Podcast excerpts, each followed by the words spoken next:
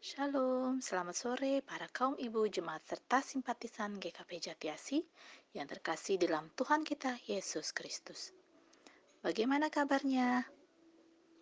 Puji Tuhan bila kita semua selalu berada dalam perlindungan Tuhan Yesus dan bersyukur karena kita semua masih diberikan anugerah dan rahmat dari Tuhan kita sehingga kita masih bisa mengikuti pelayanan ibadah Komisi Pelayanan Perempuan melalui media audio podcast pada hari ini. Di mana tepat pada hari ini juga kita memperingati hari lahirnya salah satu pahlawan nasional kita, Ibu Raden Ajeng Kartini. Dan kita memperingatinya sebagai Hari Emansipasi Wanita yang biasa kita rayakan sebagai Hari Kartini. Para kaum ibu terkasih, memasuki minggu ketiga ini di bulan April, mari kita sama-sama menyiapkan hati dan jiwa kita. Kita akan mendengarkan firman Tuhan dalam pelayanan Komisi Perempuan pada hari ini. Kita akan menyiapkan hati jiwa kita untuk memohon tuntunan dari Roh Kudus di dalam doa sebelum kita mendengar dan membaca firman Tuhan. Mari ibu-ibu, kita akan bersatu di dalam doa. Tuhan yang Maha Baik, saat ini kami datang menundukkan kepala kami untuk berdoa serta memohon akan kasih dan karuniamu untuk hadir di tengah-tengah kami. Kami akan memulai ibadah kami pada sore hari ini, walaupun dilakukan secara virtual dan mandiri melalui media audio, namun kiranya tidak mematahkan semangat kami untuk tetap memelayani dan memuliakan Tuhan.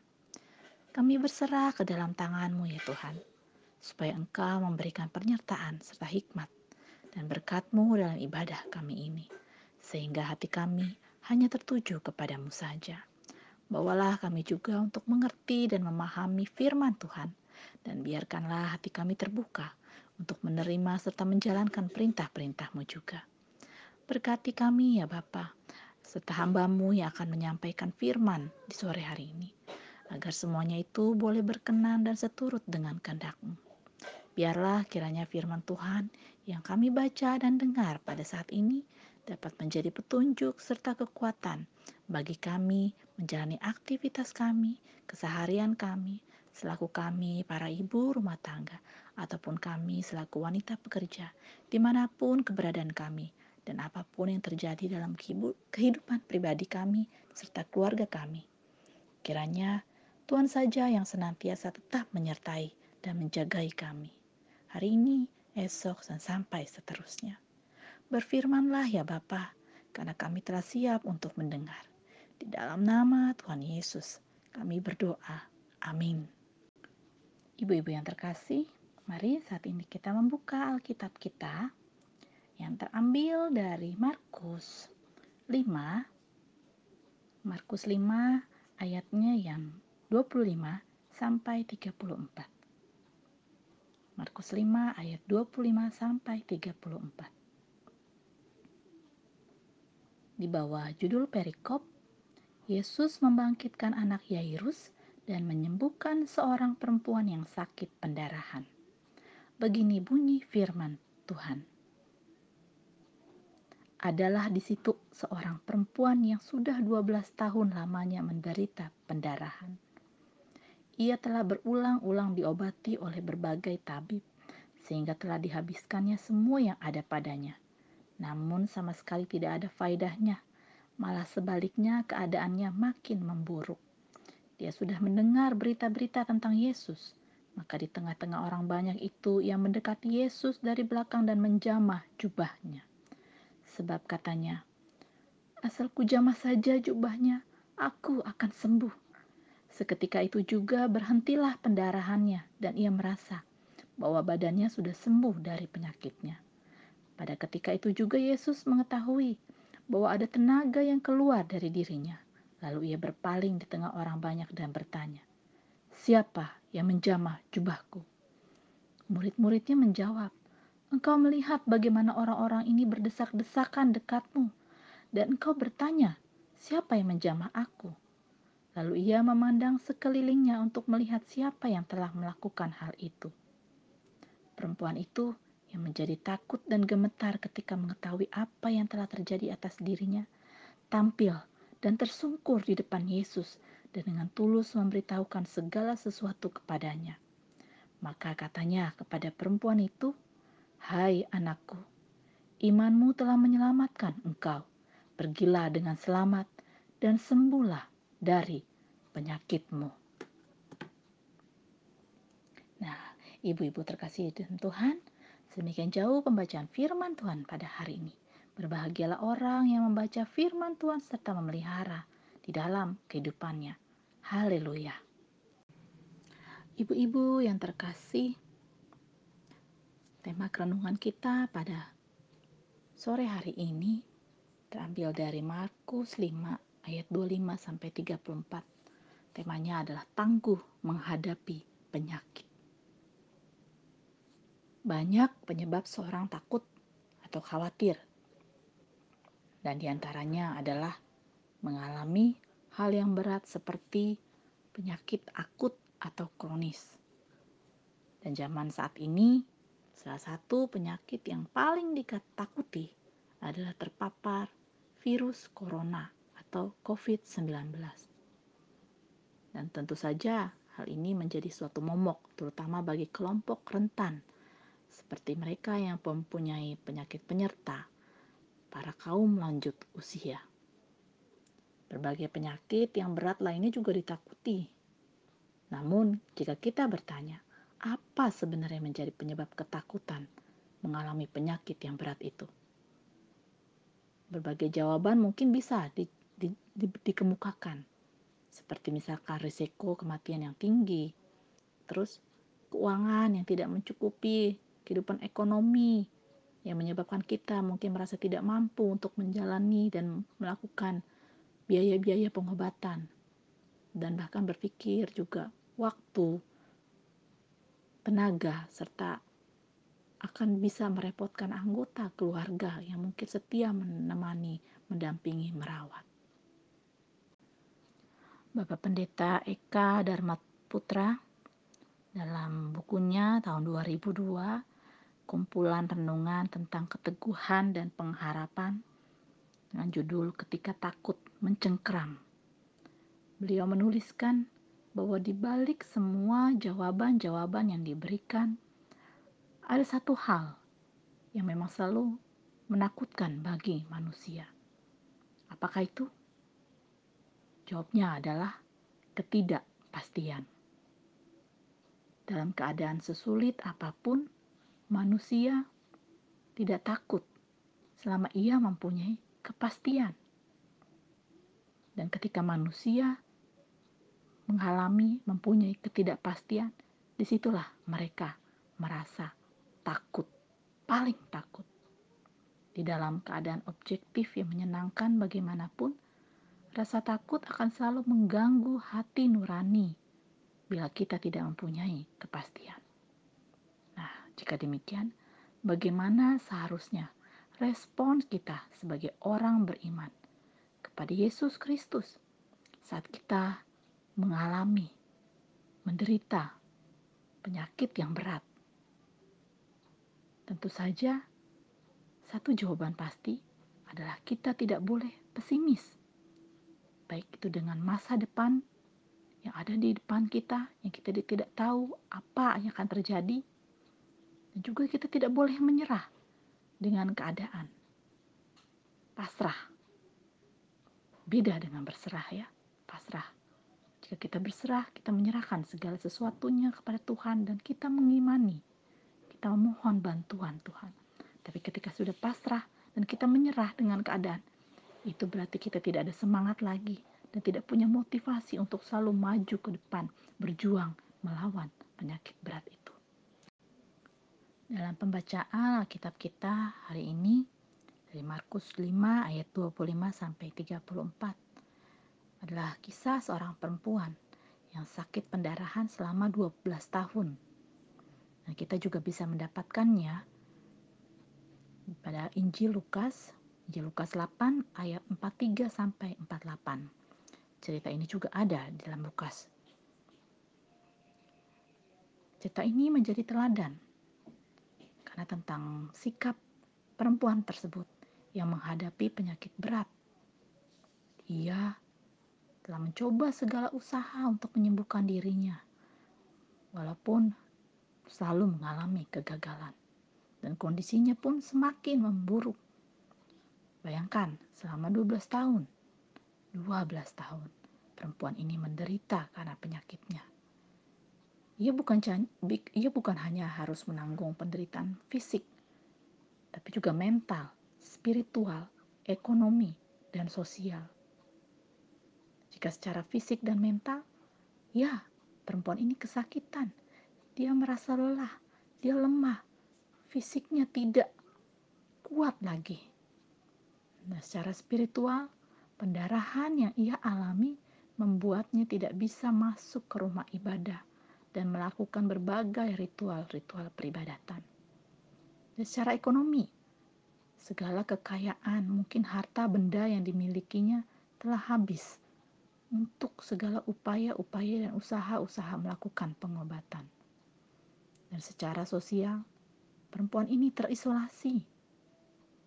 Ia dilarang untuk bersentuhan dengan orang lain karena pendarahannya itu yang membuat dia dianggap nista atau najis oleh orang-orang di sekelilingnya atau orang-orang lain. Ditambah lagi statusnya sebagai perempuan dalam masyarakat Yahudi pada saat itu dianggap lebih rendah dari laki-laki. Namun, para ibu yang terkasih, perempuan ini tidak menjadi pesimis dan menyerah dengan penyakit yang ia derita satu hal yang bisa kita contoh dari perempuan ini adalah ia mempunyai semangat. Selama 12 tahun ia menjalani pengobatan, selama 12 tahun ia mengalami penyakit berat, tidak menghentikan dia. Tidak menghentikan dia untuk berbagai cara, mencari cara bagaimana ia bisa beroleh kesembuhan. Dia beriman. Dia mempunyai semangat dan motivasi bahwa dia mempunyai satu tujuan, dia ingin sembuh. Perempuan ini tidak menjadi pesimis dan menyerah dengan penyakit yang, yang dideritanya. Perempuan ini tetap beriman. Dia mempunyai keyakinan bahwa pertolongan dari Tuhan akan dirasakannya. Walaupun dia harus menunggu lama. Dan ternyata harapannya, harapan dari perempuan ini mencapai puncaknya saat ia mengetahui berita-berita tentang Yesus. Dan ketika ia tahu bahwa Yesus sedang dalam perjalanan menuju rumah Yairus pada saat itu yang juga membutuhkan pertolongan Tuhan untuk datang ke rumahnya karena anak perempuannya juga sedang sekarat. Dan walaupun saat itu Yesus sedang dikelilingi oleh kerumunan orang yang sangat banyak, dengan usahanya yang sangat keras, sangat gigih, perempuan ini pun datang mendekat dan ia dan ia menjamah jubah Yesus sambil ia mengimani. Perkataannya ada di ayat yang ke-28. Asal ku jamah saja jubahnya, aku akan sembuh. Dan Alkitab pun mengatakan di ayat yang ke-29, seketika itu juga berhentilah pendarahannya dan ia merasa bahwa badannya sudah sembuh dari penyakitnya. Amin ibu-ibu. Amin. Iman perempuan ini mengalahkan rasa ketakutannya yang begitu besar akan penyakit yang ia derita. Dan Yesus pun ternyata memuji iman dari perempuan ini. Dan ia pun menyembuhkan penyakitnya. Di ayat yang ke-34 di akhir kita baca bahwa Tuhan Yesus pun berkata kepada perempuan itu, Hai anakku, imanmu telah menyelamatkan engkau. Pergilah dengan selamat dan sembuhlah dari penyakitmu. Ya, jika kita mengembalikan cerita ini ke dalam konteks kehidupan pribadi kita, mungkin kita akan merasa kagum. Saya sendiri pun merasa takjub. Bukan hanya kagum tapi takjub dengan apa yang dialami oleh perempuan ini. Jika saya membayangkan 12 tahun lamanya menderita sakit gitu ya. Dan dia harus berjuang untuk bukan hanya statusnya sebagai seorang perempuan, sosial, kehidupan ekonominya, tapi juga semangat hidupnya yang tidak pernah padam. Untuk dia tetap berupaya mencari kesembuhan sampai ia harus ya sampai ia harus bisa bertemu dengan Tuhan Yesus. Perjalanan setiap tahunnya 12 tahun itu tidak lama ya ibu-ibu. Dan jika kita bisa lihat, kita bisa mengambil contoh bagaimana perjuangan perempuan ini bisa mendapatkan kesembuhan. Dan sesuai judul tema kita pada sore sore hari ini, tangguh menghadapi penyakit. Meyakinkan kita, memberikan kita penguatan bahwa kita pun bisa seperti perempuan ini. Walaupun ya kita mungkin tidak akan seperti uh, mungkin kadang-kadang iman kita diuji, kita mungkin kadang-kadang merasa lelah gitu ya. Jangankan untuk diri kita sendiri mengurusi orang gitu ya, yang sakit, mendampingi orang sakit pun anggota keluarga kita kadang kita harus mengeluh. Kesabaran kita diuji gitu ya. Sangat-sangat butuh kesabaran, sangat-sangat butuh emosi yang stabil, sangat-sangat butuh tenaga yang kuat untuk bisa menjalani pengobatan. Kita semua tahu keberadaan kita pada saat ini dengan kondisi situasi pandemi yang masih berlangsung terus. Kita tidak tahu kapan kita akan bisa bertatap muka lagi, walaupun itu adalah salah satu harapan kita. Harapan utama kita untuk bisa bertemu, beribadah, melayani, berkunjung, melakukan kegiatan-kegiatan kembali seperti semula, bisa berbicara langsung dan tidak hanya melalui online saja. Selama kita hidup sebagai manusia, kita semua pasti masih akan mengalami masalah dengan kesehatan. Kita masih bisa jatuh sakit, entah itu sakit ringan, sakit parah, ataupun harus tergeletak gitu ya. Tapi ibu-ibu yang terkasih, kita harus meyakini jika kita mengikuti Yesus dan menyerahkan kendali hidup kita ke dalam tangannya, kita akan menemukan kedamaian dan penghiburan untuk kita bisa mengatasi semua rasa kekhawatiran, rasa ketakutan, dan juga kelemahan fisik kita. Mungkin kita merasa terberdaya, mungkin kita merasa membutuhkan pertolongan. Ya, kita serahkan semuanya itu ke dalam tangan Tuhan, berserah dan mengimani untuk kita tetap punya semangat bagaimana kita bisa berjuang untuk melawan penyakit tersebut dan berjuang untuk kita mencapai kesembuhan. Kita bahkan dapat melihat jauh melampaui kesembuhan yang kita harapkan. Dan juga kita bisa menemukan sesuatu yang ternyata lebih bernilai daripada kesehatan dan kehidupan di dunia ini. Kita hidup harusnya penuh pengharapan. Kita tahu tidak ada satupun dari kita yang ingin mengalami sakit penyakit yang berat. Juga sebagai para perempuan, kaum ibu, apalagi dalam konteks kehidupan keluarga, bukan hanya takut dan khawatir penderitaan secara pribadi, tapi kita juga mengkhawatirkan kondisi suami, anak-anak, atau anggota keluarga kita lainnya yang biasa kita asuh, kita rawat, kita dampingi dan juga kita pasti akan berpikir bagaimana dengan masa depan mereka. Kita akan pasti mempertaruhkan bukan hanya hati, jiwa, pikiran, tapi segala-galanya demi untuk kesembuhan, demi untuk kesehatan.